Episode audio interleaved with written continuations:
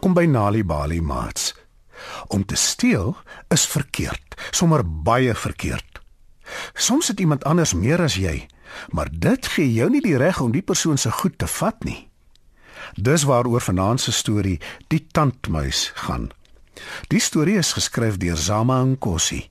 Skryf dit nader en spits julle oortjies. Een aand, nadat hulle klaar geëet het en besig is om die tafel af te dek, sê Mbali terwyl sy haar tand wikkel: "Ek het definitief 'n los tand." "Jy weet wat dit beteken, nee?" antwoord haar ouer suster Zolile. "Die tandmeis," glimlag Mbali. Mbali onthou nog goed hoe Zolile se tand uitgeval het. Die tandmeis het vir haar geld onder haar kussing gelos in ruil vir die tand. Mbali weet ook as sy die tand losgewikkel kan kry, sal die tandmuis vir haar ook geld onder haar kussing los. En dit maak haar baie opgewonde. Die volgende 2 dae is haar tand alwaar aan Mbali kan dink. Elke keer as sy 'n kaas kry, wikkel en wikkel sy dit met haar tong. Sy wikkel dit ook met haar vingers wanneer niemand kyk nie. Sy trek en sy trek aan die tand, maar niks gebeur nie. Skielik tydens haar kunsklas val Mbali se tand uit. Nadat sy dit vir haar juffrou gewys het, draai Mbali die tand versigtig toe in 'n sneesdoekie en sit dit in haar sak. Sy wag ongeduldig dat die klok moet lui vir huis toe gaan tyd.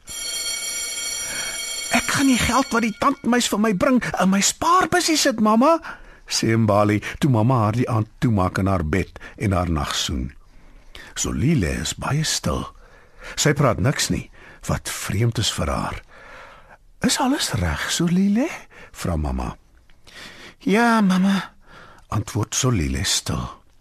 Nou ja, nag my sies, lekker slaap sodat jy nie die tandmuis steur nie, sê mamma en skakel die lig af. Terwyl die meisie slaap, kom die tandmuis stilletjies in hulle slaapkamer ingesluip, vat ongemerk die tand, glip geld onder Mbali se kussing in en verdwyn weer in die nag. Skielik skrik Zolile wakker. Sy het die gordyne hoor beweeg in die wind. Zolile loop op haar tone na Mbali se bed toe. Saggies lig sy die een kant van haar kussing op, maar sy sien niks nie. Sy loop weer op haar tone na die ander kant van die bed en lig weer die kussing op. En daar sien sy dit. Nie een nie, nie twee nie, maar drie geldnote. Die tandmeis het vir haar net twee gegee. Dis nie regverdig nie. Maar as sy nou een van die drie note vat, wie sal ooit weet? Sonder om verder te dink, vat Zolile een van die note en klim vinnig terug in haar bed. Sy hou die noot styf vas in haar hand en probeer om weer aan die slaap te raak. Die oggend toe Mbali wakker word, is sy baie opgewonde. Sy kyk dadelik onder haar kussing en sy sien die twee note. Mbali roep opgewonde: "Solile, mamma, kom kyk wat het die tandmeis vir my gebring." My kind, dis wonderlik. Is jy seker dis al geld wat die tandmeis vir jou gelos het? vra mamma. Doodseker mamma, ek het goed gekyk. Twee note. Dis so baie. Ek is vreeslik gelukkig. Mamma aan die ander kant lyk nie juis gelukkig nie. En Zolile is choopstil. Mamma kyk hoe Mbali haar geld in haar spaarbusie sit. "Is jy seker jy wil niks daarmee koop nie, Mbali?" vra mamma. Nee mamma, ek spaar al my geld sodat ek sokkerstewels kan koop vir wanneer ek groot skool toe gaan, sê Mbali trots.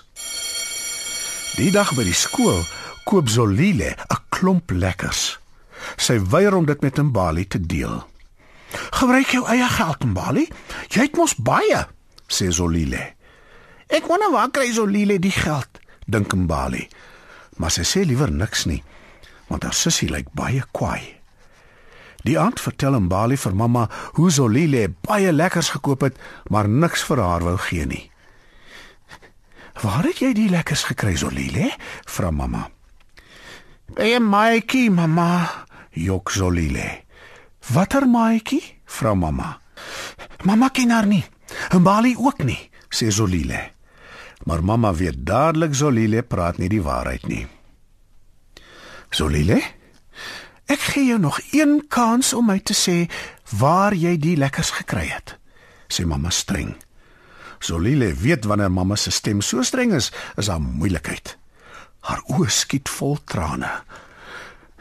Ek het die geld gevat, mamma, onder 'n balie se kussing. Die tandmeis het vir haar meer gegee as vir my. Ek wou ook daarvan hê.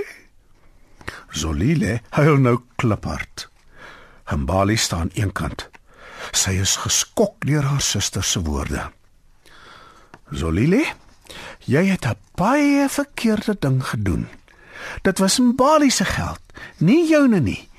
Jy het gesteel en steel is verkeerd. Baie verkeerd. Verstaan jy dit? vra mamma. Ja, mamma.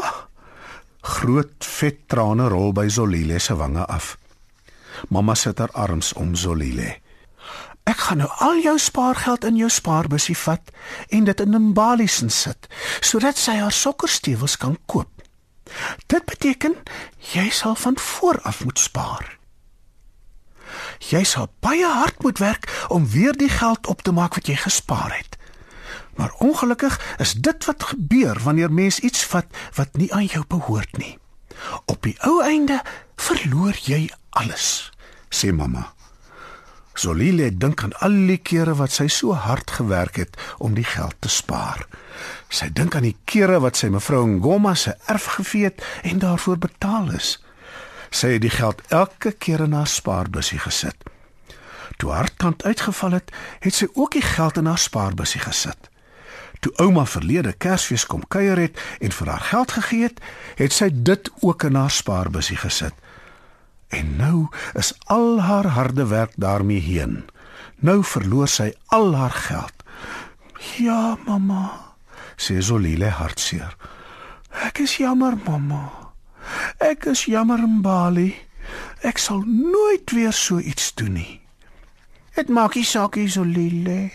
Ek is lief vir jou en ek sal jou help om hard te werk om weer geld in jou spaarbusie te kan sit, sê Mbali.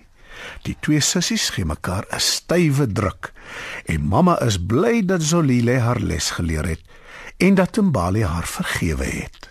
Wanneer kinders tuis stories hoor, help dit hulle om beter leerders te word op skool. Vir meer stories om vir kinders voor te lees of vir stories wat kinders self kan lees, besoek ons by www.nalibali.mobi. Daar is heelwat stories in verskeie tale absoluut gratis beskikbaar. Daar is ook wenke oor hoe om stories vir kinders te lees en met hulle te deel sodat hulle hulle volle potensiaal kan ontwikkel. Nalibali is ook op Facebook. Story Power. Bring dit huis toe.